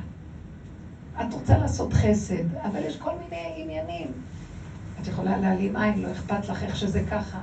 לא יכולים לצאת מהמקום שלכל אחד יש עוד איזה נגיעה פה ואיזה דבר פה. אז התחילה להילחץ מעצמה. ואז אמרתי, בשביל מה היא צריכה לקפוץ ולהתנדב? כאילו, אז מי ייקח אותם? רבים שלוחים למקום. אנחנו אלה שעובדים בדרך, אני רוצה לתת לכם נקודה. זה לא שאנחנו מתנתקים מהחסד. החסד הכי גדול שאנחנו עושים היום בעולם זה בעבודה הזאת. למה? זה אפילו לא עם עצמי. אנחנו מקימים את הכיסא של השם. תעזבו את הכל מה שעשו כל הדורות ותתחילו לעבוד רק בזה. כי עכשיו זה עת לעשות להשם. הפרו את כל המהלך היה קודם. כל הריצה לעשות חסדים וכל זה, ושהמוח עושה ו... עכשיו זה, את יודעת מה זה החסד הכי גדול? להקים את עלובת הנפש ולהושיב אותה בכיסאה. לתת לה את המלכות. אז כדי שהיא תקום, כולם צריכים ראש באדמה. אף אחד לא יהיה יכול כלום. אז מי יעשה, מי לא יעשה? רגע אחד שהיא קמה, בשנייה אחת היא מרפאה את כל החולים, ומסדרת את כל העניים, ואת כל השבורים והנידחים והנחלאים, היא מתקנת להם, נותנת להם ברכה ושמחה בלב. אז אין דבר יותר גדול מזה, אתם מבינות מה אני מדברת עכשיו? כל הדרך שעשינו זה היה לקראת זה. אז היינו בעולם וגם בפנים, וגם בעולם וגם בפנים, ומהעולם יצאנו. נכנסנו פנימה ומפנים החוצה וככה עבדנו. לקראת הסוף אני מרגישה שסוגרים לי כבר את העולם. אתם יודעים שהעולם בתהליך של סגירה. זה לא נראה, זה, זה, זה תהליך של עוד קיבוץ, עוד קיבוץ, זה כאילו נראה עוד יש איזה רעש. באמת, באמת, זה תהליכים. אנחנו מכניסים את העולם למקום הזה. אתם רוצות כבר לגמור על השקר של העולם? התודה הולכת ליפול? תתכנסו עוד קצת פנימה. אתם יודעים שהעולם, מה, ש... מה שקרה בקורונה. איך אומרים, פעימה הראשונה, זה אלה שעבדו ונכנסו בפנים. אז עכשיו העולם גם מתחיל, אבל יש אתנחתות, רצו ושוב, מה שנקרא. אז כאילו חוזרים, ועכשיו מתחיל להיות עוד יותר להתכנסות. אז מאיתנו, אנחנו השלוחים שרצים דחופים להכין את המהלך הזה. תתכנסו עוד יותר. ואל תתנדבנה לי לעולמות. המכשיר הזה מסוכן, כי הוא מוחצן, הוא מחצין. כולם כותבים על כולם, וכולם רואים את כולם, וכולם מדברים, וכולם... זה הוואטסאפים, זה, זה, זה שיתופיות מאוד גדולה של תודעת עץ הדת השטחית. זה אומר מילה, כולם צריכים לדעת מה הוא אמר. זה עשה זה, זה, כולם, זה טיגן חביתה, זה צריך לדעת. זה עשה, כולם יש להם מה להגיד, כולם זה... בסדר, זה נחמד, אפשר לדעת, להשתעשע עם זה, אבל לקחת את זה ברצינות, זה מסוכן.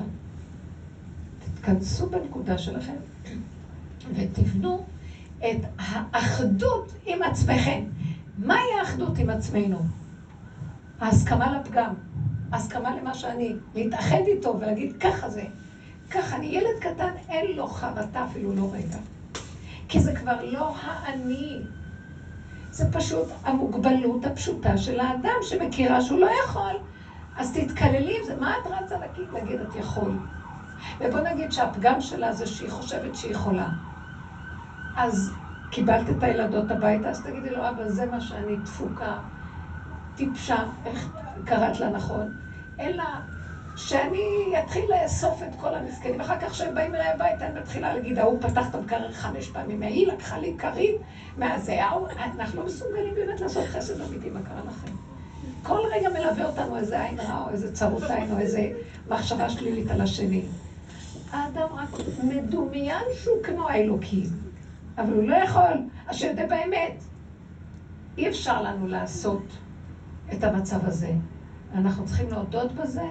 עכשיו, זה לא אומר שלא נעשה חסד, זה אומר שהחסד צריך לדפוק אחריך ולרוץ אחריך.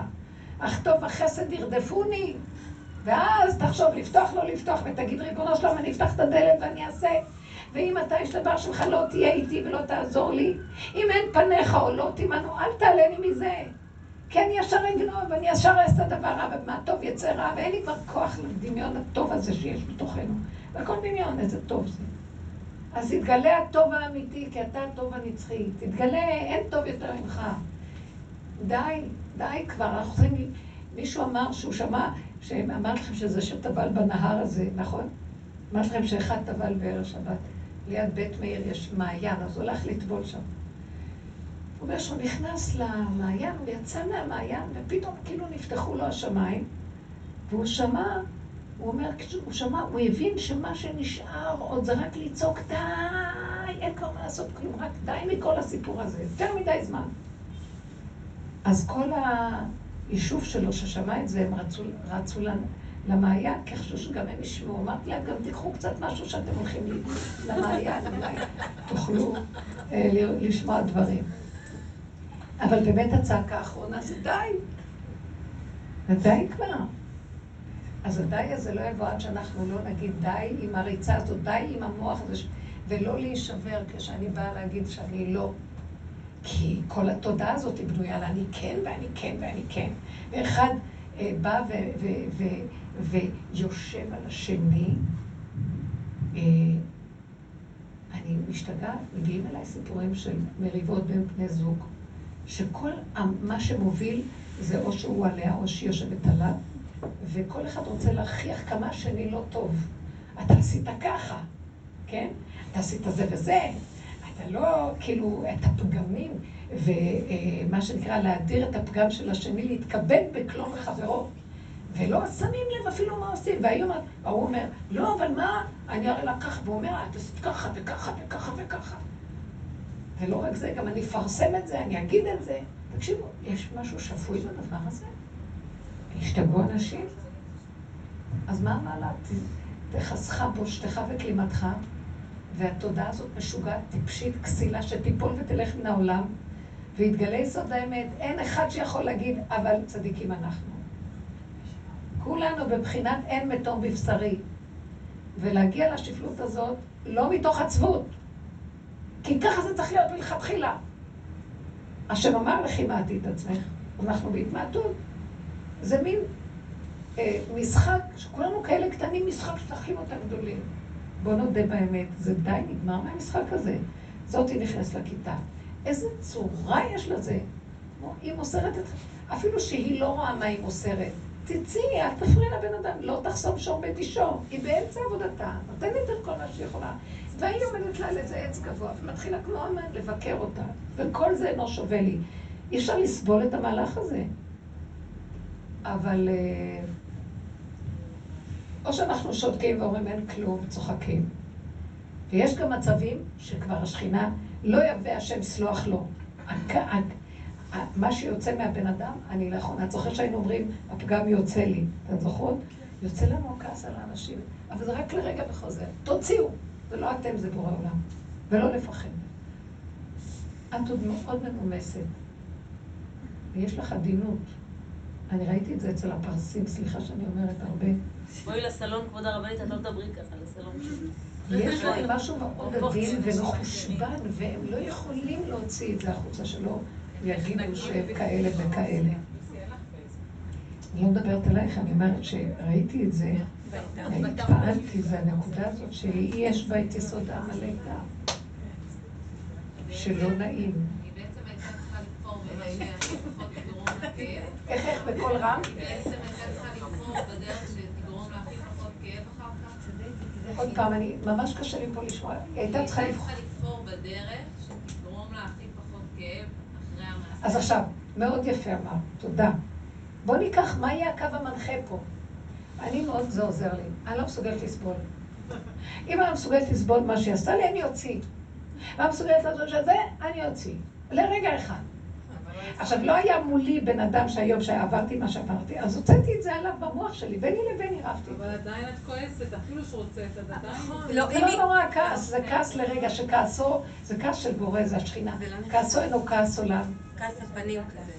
מה? זה לא, זה רגע אחד יוצא ונגמר. עדיף מאשר לשמור את זה. לא נורא, לא לתת ממשות ולצחוק, אחרי רגע צוחקים. עכשיו הוא יבוא להגיד לך, כן, תראי איך את נראית לא רק זה ולא רק זה, גם לא הלכת ללוויה, גם לא עשית חסד, גם את כעסת, גם את מעטיחה. בסוף אמרתי לו, ככה אני רוצה. אתם מבינים? הלכתי עם כל הקופה של ככה אני ולך, כי אני מזהה את השקרן הזה, שמתלבש באיזה כסות של איזה גובה וגדלות וחשיבות, והוא בעצם עומד שם לחתוך אותי ולהרוג אותי, לקטרג עליי. אז אני עומדת איתנות, ואם יבואו להגיד עליי משהו, אז אני אומרת, קחו אותי לבית דינו של השם, כי השם יראה ללבב, ואתם רואים לעיניים. בן אדם כאן בעבודה הזאת עובד, עובד באמת, לכו עם האמת, עם האמת לאמיתה. ואין לכם מי שיכול לעמוד מול האמת.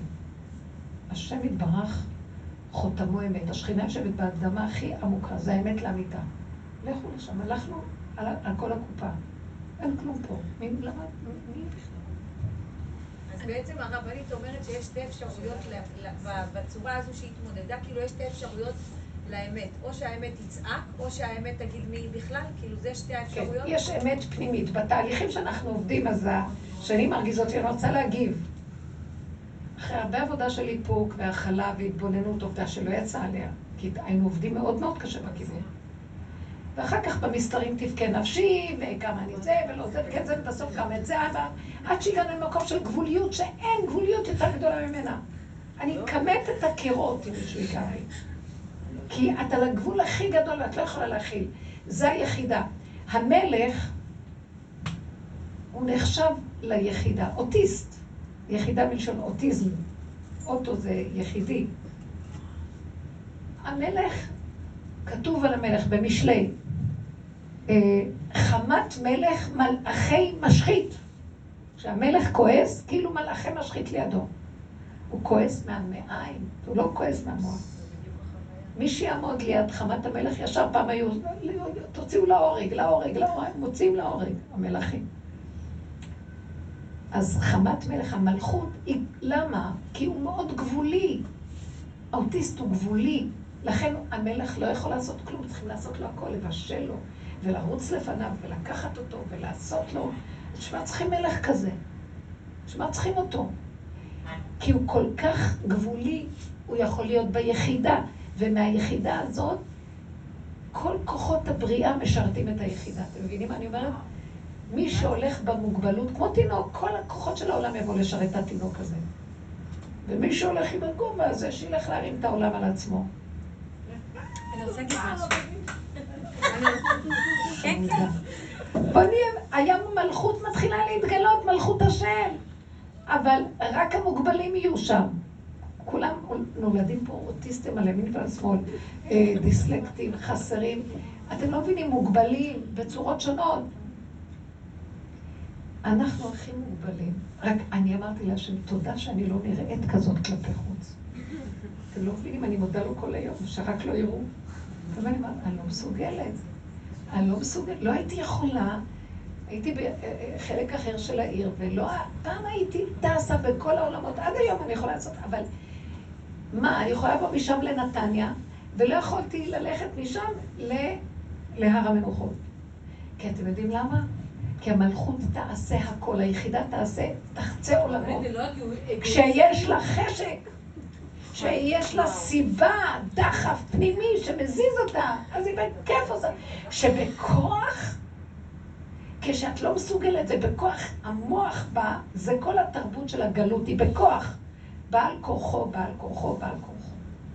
לפום צער האגרא, אז יש לנו עכשיו אגו, תצטער, תקבל יותר שכר, יאללה, מי רץ קודם בצער הכי גדול? אין כוח לזה כבר, מוגבלות לא נותנת לך. אז יש תסכול, זה המוח עושה לך בתסכול, תסכימי עם המוגבלות. מוגבלות שכעסתי, מוגבלות שצעקתי טיפשה, מוגבלות הכל, אבל רק לרגע. אחרי רגע תגידי, רק תגזימי, כשאת תתלהבי מעצמך מדי. נקודה וזהו, נקודה וזהו, נקודה וזהו. זה המלך, המלכות היא כזאת.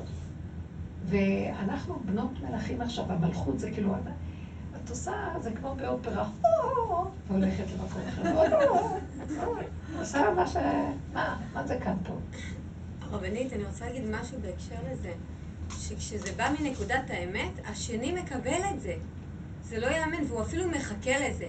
הוא מחכה למישהו שיעצור אותו. כי אותה אחת היא באמת הולכת לדעתי גם לעוד מורות, והיא עושה את זה לעוד אנשים. אז כשבא בן אדם מנקודת אמת ועוצר, אז אני חושבת שאחרי... זה הנקודה שהייתה בדיוק מאוד יפה בפנחס, מעשה פנחס. המוגבלות שלו, אה, כיכבה, מה שנקרא.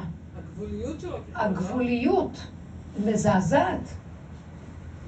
משה רבנו עליו השלום הוא מלך הדעת. בדעת יש רוח, יש אוויר, הוא לא יכול לעשות כזה מקרה. כי יש לו עוד מחשבות אפילו ללמד זכות, והוא רצה להציל את זמרי. הוא לא רצה שהוא ימות. אבל בא פנחס קפץ, ועוד אומר, תגיד, לא לימדת אותנו על המשה, לא לימדת אותנו על אחת שכך וכך וכך קנאים פוגעים בו? אז משה ראה את האמת יוצאת לו מהבשר, אומר לו, הבמה שלך. חז"ל אומרים, הבא למלוך אין מורים לו. המלכות, לא אומרים לה מה לעשות. כי אף אחד לא עומד באותו רגע בניסיון של המלכות. גבוליות שאין כדומתה. קומי ותעשי פעולה. זה לא דבר שאני יכולה אפילו לדבר עליו, זה דבר שאתם תראו את זה לבד. אם אחרי זה יבוא הביקורת, חבל לכם על הזמן. אסור לבקר במקום כזה. כי הייתי יכולה אחרת? לא. אז מה את מכניסה עכשיו מוח? את עכשיו דנה מצב שהוא בכלל לא קשור למוח. מהמקום הזה השם הגיח ואומר, הנני נותן לו את בריתי שלום. הוא ש... שיקח את חמתי מעל, מעל בני ישראל. אני אוהב את מה שהוא עשה. הוא היה איש האמת היחידי פה. פנחס הוא אליהו, שאליהו היה איש האמת, ככה אמרו חז"ל. זה אמת נוקבת שאין עליה כלום. השם התגלה, אמר, זאת אמת. המעשיות הפשוטה שמבשרי של הדבר, שהיא לא באה מהמוח, והחשבונאות. עכשיו, כל ה... זה המהלך הכי גבוה. שם מתגלה המלכות, שם השכינה קמה. כל העבודה שלנו זה לפרק בכל מה שעשינו פה, פירקנו את הדעת לרסיסים. איך דרך ההתבוננות, מה יוצא לי, כל החשבונאות, כל הכעס, כל הזה, ואני מאפקת, ואני אומרת, זה לא אמיתי הכעס הזה, זה כעס של חשבונאות, זה כעס של שנאת חינם, זה כעס, יש לנו את זה, אנחנו רגילים כאן, הפקרות יש פה, מה? אנחנו כועסים וגם מצדיקים למה אני כועס. הסתכלנו על הכל שנים על גבי שנים. הגענו למקום שאם עכשיו תדוני את הטיפת כעס שיוצא לך באותו רגע, את לא יכולה, זה לא אמת. כי ככה וזהו. יצא לי לרגע ונגמר, שלום. ואוי ואבוי לך אם תדוני את עצמך. ואבוי לך אם תשפטי ותבקרי את עצמך, כי ככה וזהו. אם את פותחת המוח ושופט את עצמך, הגאולה עומדת בפתח והחזרת אותה לגלות. הגאולה תעמוד בזכות אחד שהוא שלם לגמרי עם מה שהוא עשה. דן חושים בן דן, שהרג את עשיו. אתם יודעים בפרשה של ויחי, המדרש אומר שהם עומדים, רוצים לקבור את יעקב אבינו. בא אליהם, פתאום עשיו צץ להם מאיזה מקום, ואומר, רגע, רגע, רגע, מערת המכפלה גם שייכת לי, אתם לא יכולים לקבור אותו. תביאו את השטר שזה שייך לכם. והם לא יודעים מה לעשות, הם שכחו את השטר במצרים. תחשבו, החכמים חושבים ומתלבטים מה לעשות. ישלחו את נפתולי שהיה קל רגליים, כאיילה שלוחה. עוד החכמים חושבים מה לעשות.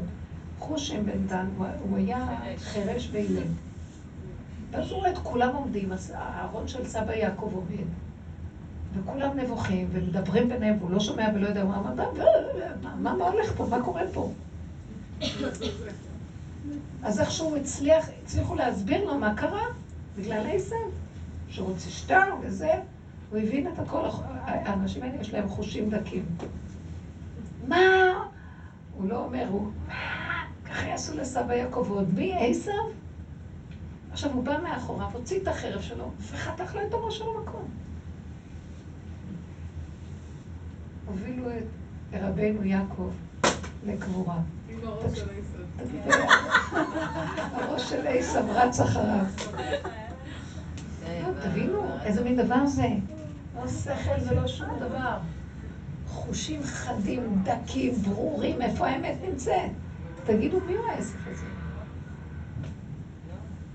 קראו לו הלוא חושים. הוא בחל בבכורה, הוא בחל בארץ ישראל, הוא הלך להר שעיר. מה עכשיו אתה עושה פה בכלל? מה קשור אליך מערת המכפלה בכלל? כמו המורה הזאת, מאיפה היא באה? אה? כמו המורה הזאת, מאיפה היא באה? מאיפה היא צצה לנו? אני ישר הייתי אומרת לה, סליחה, לא להפריע לי באמצע. זה יותר גבוהה ממני. אם את רוצה שאני ארגיז אותך, העליתי ילד חינוך מיוחד לבמה, ובשנייה הראשונה שהוא עשה משהו, פחדתי שהוא יברח לי, רציתי, את יודעת, אז במילה הראשונה שהוא אמר, התפקדתי מצחוק, סתם, ואז כל הכיתה צחקה. את יכולה להבין מה הילד הזה חו... ואז היא אומרת לי, תגידי, למה את נותנת יד לטמטום הזה? זקנה. טוב, אל תתני לה ממשות. אל תתני לה ממשות. זה הנקודה. היא אמרה לי, את. מעודדת אותו לעשות דברים מטומטמים. אני- אומרת לך, אז עכשיו, למה אני כועסת? כי אני אני אתם יודעות משהו? יש לי משהו להגיד. מסבירה לה מה עומד מאחורי זה. אני רוצה להגיד לכם משהו. בשלב הזה שאת כל כך הרבה שנים עובדת פה, איזה יפה זה. הילד הזה שעשה משהו, היא קוראת לזה טמטום, אין לכם מושג כמה גבוה הדבר הזה שהילד עשה. כל תנועה שלהם, כל דיבור שלהם, כל משהו כלפי השכל הטיפש הזה, זה נראה טיפשי. אמרתי לה. את תוצר עצוב של משרד החינוך. באמת, סליחה? אמרתי לה, את תוצר עצוב של משרד החינוך. אמרתי לה, תראי, אין לילדים כבר כנפיים, לא נשאר מה לקצוץ. ואז הטיפשה לא שמעה מה אמרתי, אז היא אמרה, תורידי אותם, הילדים נורא משתעממים, סייעת. עכשיו, הסייעת של מי היא? של הילד מהחינוך המיוחד, רק שתביני. אז אמרתי לה, את רואה, לזה התכוונתי. היא כרגע קצצה לארבעה ילדים את הכנפיים. אור, נראה לי שהן לא מצליחות לרדת לסוף דעתך. אז זה מה שאני רוצה להגיד לך. לא אז את. לא צריכה לרצות אותן. ואת לא צריכה שירדו לסוף דעתך. בדיוק, את צריכה רק להיות, אני אגיד לכם, אחרי כל כך הרבה זמן ועבודה, את צריכה ללכת כאילו אין עולם ודוך לתוך הנקודה, ולא לתת לאף אחד לגרום לך. אני אגיד לכם, השם איתנו עכשיו, תעמדו, קומו. תקומי ממקומך. תקחי את המטה ותעשי פעולה לקראת הגאולה. מה קרה לך? מי הם פה כולם?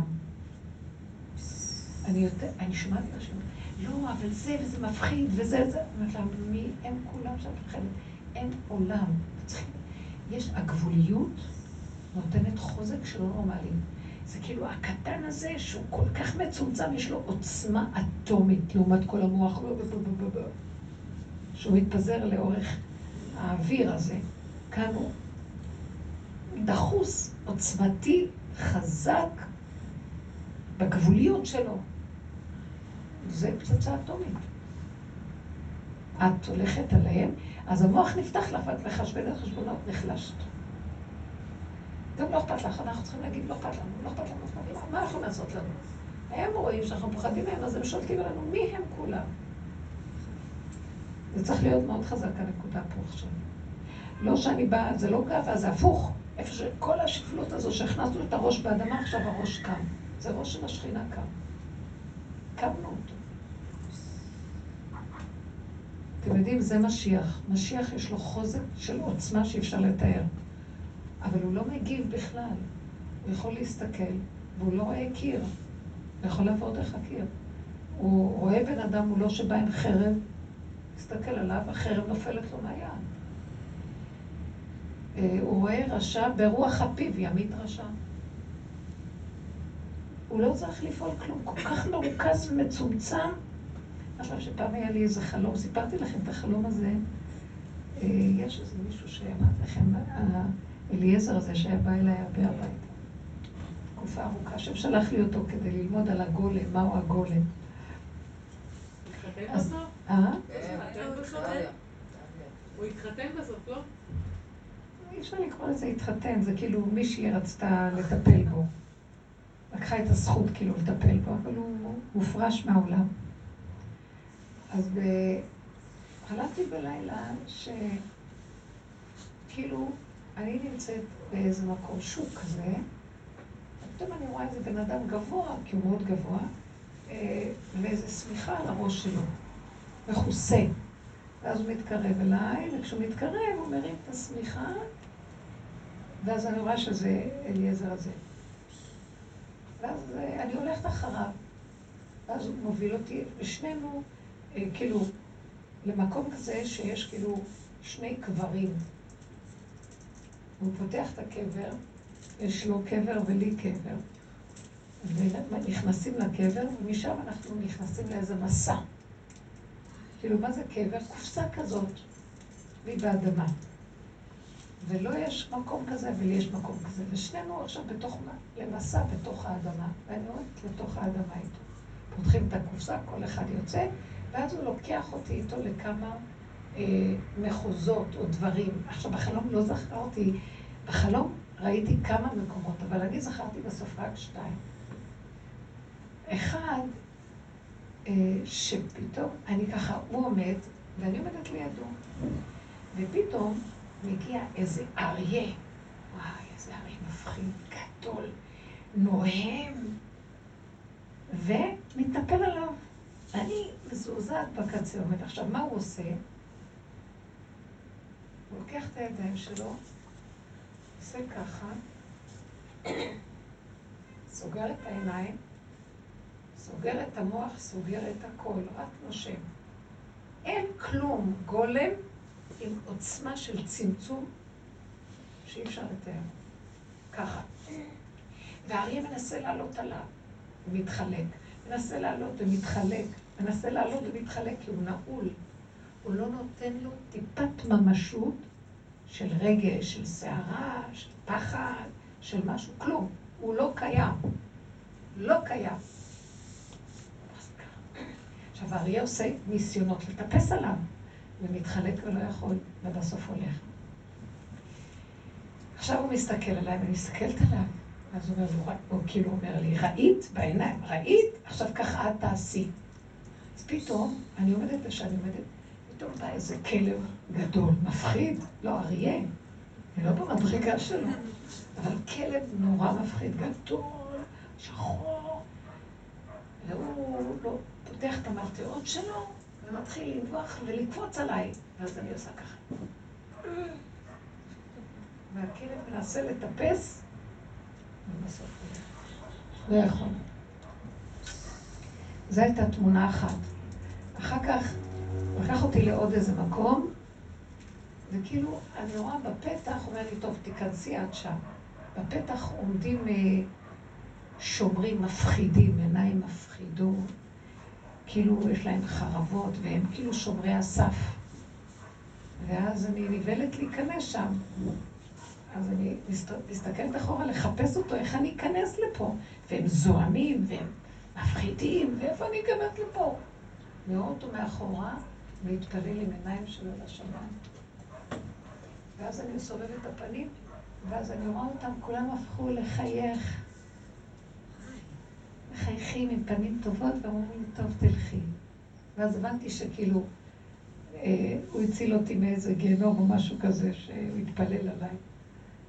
ומהקטרוג של כל העורפי ראשים למיניהם והמוציאים לפועל.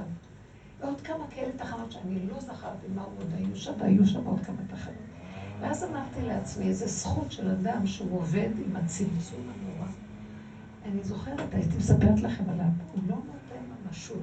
אני שואלת אותו שאומר, כל מילה שלו, לא יודע, אני לא יודע, הוא לא נכנס בדיבורים. עד שיום אחד אמרת לו, פשוט נמאס לי ממך, אני לא יכולה, אתה תגיד איזה מילה, אתה רק אומר, לא יודע. אז הוא אומר, פה מילה, שם מילה מאוד חכמה, מאוד, מילה קטנה, וזהו, פותח את הכל. אבל הצמצום והחוזק של ה... לא לתת ממשות לכלום פה, אתם לא מבינים שפה אתם נותנים להם טיפת ממשות, הם רוכבים עליכם, מוצצים את המיץ והורגים אתכם. הם משתמשים בכוחות שלכם להרוג אתכם, לשלוט בכם, לשעבד אתכם. אז אנחנו מספקים להם את הכוח. אין ממני כוח, אין יוצא ואין נכנס, סגור, נעול. גן נעול, אחותי כלה, גן נעול. אתם מבינות מה אני מדבר? נעול. זה כוח מדהים. אנחנו צריכים להבין את הסוד של הגאולה, לסגור את התודעה הזאת. אז מה לעשות? מה שאת צריכה לשתות, לאכול, ללכת, לבוא, לפתוח וזה. מישהו הרגיז אותך עכשיו. כל תחושות הרוגז, העצבים, החרדה, הקנאה, כל המידות. לא לתת להם ממשות. אז תיזהרי מהחיים, את הולכת לעבוד בגובה רעיון. מה זה משרד החינוך, בתי הספר? פחד מהמשרדי ממשלה, כל המקומות האלה. מי יכול? אני מעריצה אותך, טלי. לא, למה? אני זוכרת שנתנו לך משרה ציבורית רמה, והיא לא הסכימה, היא אמרה, אני אכנס לשם, הלך עליי. אכנס בתוך הערכאות של העולם, רוצה להישאר צדיקה. ואני זוכרת אז, נתנו לה משרה תנאים מדהימים, הכל, לא. זה צריך להיזהר מהדברים האלה. מה אתם חושבים פה? כל בעיה לא ישובון. אז אני כל הזמן זוכרת את החלומות האלה, ואני זוכרת את העבודה הזאת. ואז למדתי גם לדעת, הוא אומר לא יכול, הוא אומר לא יודע. את רוצה לדעת? לא יודעת. למדתי להגיד לא יודעת, לא רוצה לדעת, לא מבינה, לא משיגה. אם הולך לי בקלות, נפתח הכל קדימה. לא נפתח, לא הולך. למה לי לדעת? להכניס את המוח בשקלה וטריה של איזה הוויה של... מה? לנצח? יש איזה סיפוק מהמוח הזה. אבל המוח היותר חכם נמצא איפה שאת זועלת את המוח הזה, הולכת המידתיות הנכונה של האמת, משם נובע חוכמת האור הגנוז. הגולם החכם, זה נקרא, משיח נקרא הגולם החכם, לפי המקובלים. הגולם החכם. כי זה בחוכמת אור אין סוף, והחוכמה מהעין תימצא. אין לי ידיעה, אין לי הבנה, אין לי השגה, אין לי כלום, זוזו הצידה. אז זה לא מין אין לי, אין לי, לכם יש ולי אין, אין לאף דפוקים שכמותכם. אתם עוד חושבים שיש לכם משהו, למי יש כאן משהו? מי שיודע באמת הראשונית, שיגיד אין לו כלום, מתגלה השם ויגיד, אז עכשיו אני אטפל. כי אמרת אין לי. אבל זה שכולם פה מפחדים פחד מוות מהאין הזה, ומאוימים שיגידו להם שהם לא כלום, וכל אחד רץ להיות משהו יותר גדול מהשני, ואנחנו לא נלך, תרבות משוגעת. היא מכה בבני אדם. מה אכפת לכם? תפרשו מהתרבות, תגידו, לב בורא עולם, אין לי כוח, לא יכולה, לא הולך, השם, אל תעזוב אותי. אני רוצה להגיד לכם, במקום הגבולי הזה, תפתחי את הפה ותגידי, אבא, אני רוצה כך וכך וכך, באמת אמיתי, לא מה שבמוח. מה שאת מרגישה שאת צריכה לכאן ועכשיו, יפתחו לך שערים על המקומות ולך הכל. כי זה דיבור של אמת, זה בא מהמקום הנכון. לא מפה, כן. אם בן אדם רוצה להמית את עצמו, אבל לא נותנים לו. מה לעשות? הוא רוצה להמית את עצמו, כאילו להוריד להוריד תפקיד, לקחת משהו יותר זה, ולא מאפשרים. מי לא נותן? ההנהלה. מי? ההנהלה למשל. ההנהלה, את מחפשת מהנהלה שתיתן לך, אם להנהלה, היא לא אוהבת, תקשיבו, את אמרת להמית? להמעיט. נכון. מהמילה מעט, להמעיט.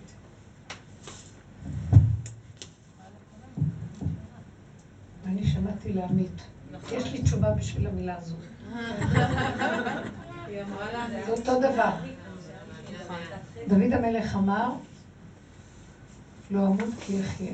דוד מלך ישראל חי וקיים. למה? כי הוא הסכים להמית את עצמו, את, מה? את העצמיות של תודעת עץ הדת. אז הוא נקרא חי וקיים.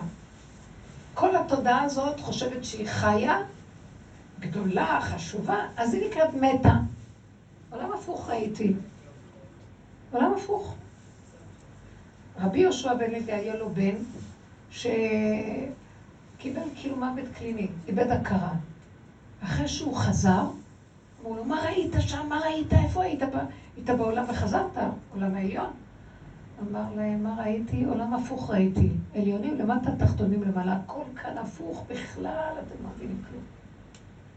מה שאתם חושבים שזה חיים זה מוות, ומה שאתם חושבים שזה מוות זה החיים. בדרך שאנחנו הולכים, אנחנו ממיתים את החיה הזאת שיושבת לנו בראש. ואז מקבלים מתנה לחיות באמת, ואתם הדבקים בהשם אלוקיכם, חיים כולכם היום. המעטה הזאת זה המיטה. בהתחלה זו תחושה של מיטה. אני אסביר, כאילו, רציתי, אני הרבה שנים, אני החינוך, אני... בקול רם. מחנכת, מורה מקצועית, רציתי ממחנכת לעבור למורה מקצועית. ולא אפשרו לי את זה. לא יוצא כי הם לא נותנים לך? למה את רוצה מורה מקצועית? כי את לא צריכה לשים את כל ה... המעמסה. אני אגיד לכם, אה, אם את מאוד מאוד... אני, אני אגיד לכם, בכל העבודה הזאת שעשינו, לא אמרתי אף פעם למישהי, תעזבי את העבודה, תעזבי פה, תעזבי שם. תעמדי מול בורא עולם, תגידו לו, ריבונו של עולם, זה מקור פרנסה, אני לא רוצה לעזוב. אבל אני רוצה להיות הרואה ואינו נראה בעבודה. אני עושה עבודה מאוד מאוד פנימית, ומאוד קשה לאדם כזה להיות בעולם שהוא הפוך, בייחוד משרד החינוך וכל הצורה שלו. אז תרחם עליי. אתה יכול לסדר שאני אקבל משרה, או שאני אגיש את התה, או שאני אטאטא את הכיתות, נרים כיסאות, תעשי דברים שהם לא שייכים. ואם אתה, ואני יכולה גם, אתה גם יכול לעשות שאני גם אהיה מורה, ואהיה מורה מקצועית. ונניח שאתה אומר לא, הם מתעקשים שאני לא אהיה מורה מקצועית. אז שאני אקח את הכיתה ואני אהיה מחנכת, ואני לא אכנס בתוך המצוקות של החינוך הזה, הדמיוני. שאני יכול הכל. אני אגיד לכם את האמת, ביחידה את יכולה להיכנס לכיתה, והילדות, או התלמידים יאהבו אותך עד בלי די. ולא יהיה עלייך שום דבר, ואת תנהלי את השיעור שאת רוצה עם התוכנית שלך והכל, ולא יהיה כלום.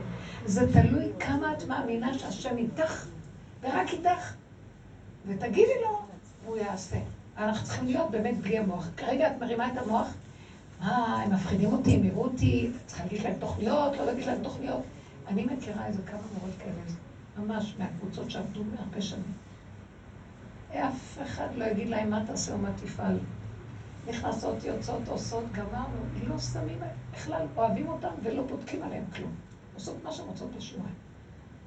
אני כבר יכולה להגיד פה, זה אפילו התעודות, הם, מה שאפשר לפרגן לכל התלמידים, מה לעשות הכי טוב לכולם, שיהיה להם חיים טובים ויסמכו בהכל, ומשפוגעים עליהם. לא אכפת לה כלום, והשם איתה, והלכה כמותה. תדעו לכם, השם יכול להיות איתנו. אין עולם, אין אף אחד, לא לתת להם ככה ממשות. אבל אתה הולך לפניי. אתה לא רוצה, תוציא אותי מפה. יש פרנסות אחרות. מישהי סיפרה לי, עובדת משרד החינוך, לא כמורה, במשרדים עצמם. ואז הם אמרו לאנשים, תלכו הביתה, כי אי אפשר להישאר הרבה בקיר, תבואו רק יומיים, התחילו לחלק את העבודה האחרת. בסוף החליטו, לא יחלקו את העבודה האחרת, מטלטלים אותם כל פעם. לא יודעים בעצמם. אה, יומיים תבואו לעבודה, שלושה תעבדו מהבית, תקנו מחשבים בבית, תעשו זה. תקנו לנו מחשבים, אתם רוצים, אין לי כסף לא תחשב. לא, מכריחים אותם לעשות כל מיני דברים. בסוף החליטו שהם ישאירו אותם ויסדרו להם יותר חדרים. עכשיו, הם פתחו איזה כוכים אפלים שאין בהם אוויר, וכאילו יש מזגן. אומרים לה, היא אומרת לי, הם אומרים לי, הנה זה יהיה חדר עבודה שלך. היא אומרת, אני הסתכלתי בחדר וכמעט יצאתי מדעתי. יצא לי כל התסכול מכל מה שקורה פה. והלכתי ישר למפקחת הראשית שבמשרד הכי גבוה, ונכנסתי ואמרתי, תגידי, השתגעתם. היא התחילה לצעוק, אתם משוגעים רשעים. מי מתיר לכם לעשות את כל זה? הרגתם את כל הציבור פה. תקשיבו, היא פתחה את הפה, והיא אמרת, אני לא ידעתי מי דיבר מהפה שלי. לא ידעתי, הלכה למשרד הכי גבוה. והיא צעקה על כל הזה, תהרגו אותנו פה. הם באו להתנצל. אותה מפקחת הכי גבוהה שהייתה שם. לא הייתי מפקחת או איזה מנהלת גבוהה. היא אומרת, אבל זה לא אני דיברתי, הגבוליות יצאה ממני, כל הכאב יצא לי, וזה לא ראיתי בעיניים שום דבר. אמרתי את הכל. הם כאילו נסוגו לאחור, אמרתי להם את כל הפנים, את כל האמת בפנים. אתם משוגעים, רשעים, מתעללים בבני אדם. כל מיני מילים שאני לא אחזור עכשיו. אז אני אומרת, אפילו למה, למה היא שתקה? כי היא שמעה את האמת, כמו שבדיוק אמרה, בוקעת לה מהפה. וזהו. תדעו לכם, זה העולם גם כן כבר. תלכו עם נקודות האמת, אל תפחדו. זה לא שעכשיו תתכננו איך לצאת עכשיו על ה... מחר אני אבוא, כבר כל הלילה היה לי במוח, מה אני הולכת להגיד לך בוקר? זה דבר שיוצא בלי לחשוב, כי הגבוליות מאוד גדולה. הנקודה היא, עוד, עוד שנרד על עצמנו, איך העזתי להגיד, אין דבר כזה. אין שניים, היחידה מדברת, אין שני לא שמה. זהו.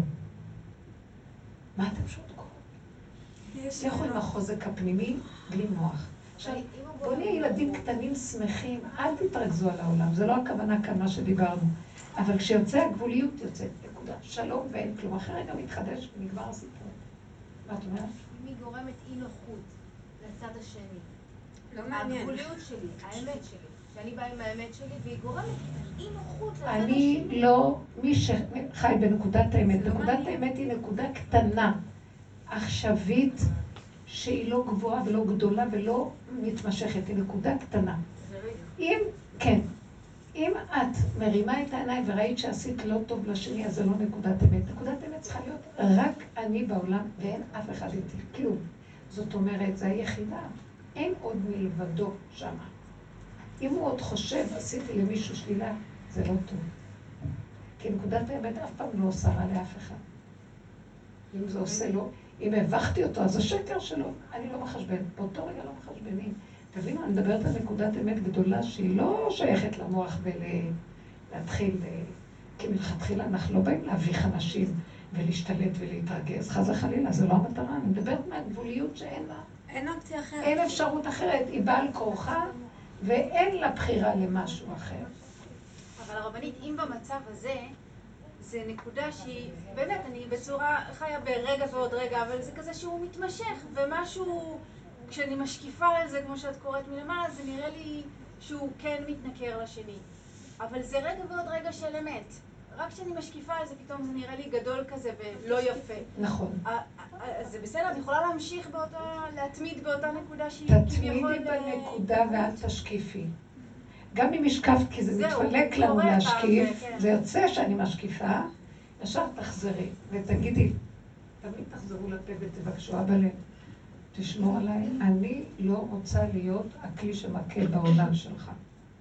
האמת, יש אמת אכזרית. אה, אליהו הנביא היה אמת קשה. הוא היה, הוא, הוא קטרג על עם ישראל. מרוב קנאה להשם, הוא אמר, ולא שמרו את הברית שלך, וזה, ואז השם אמר לו, אתה מקטרג על בניי, אז תרד כאן מכל ברית. כי זה אמת חזקה, אבל אמת של דין. אנחנו צריכים אמת של חסד, אמת של רחמים. שיתוף האמת, שיתף הקדוש ברוך הוא את האמת עם הרחמים, החסד. תיתן אמת ליעקב, חסד לאברהם. גם אנחנו אומרים, השם השם, כל רחום וחנון, ערך אפיים ורב חסד ואמת. החסד מצטרף לאמת, האמת מצטרפת לחסד. כי אנחנו לא רוצים אמת של דין, מבקשים מהשם.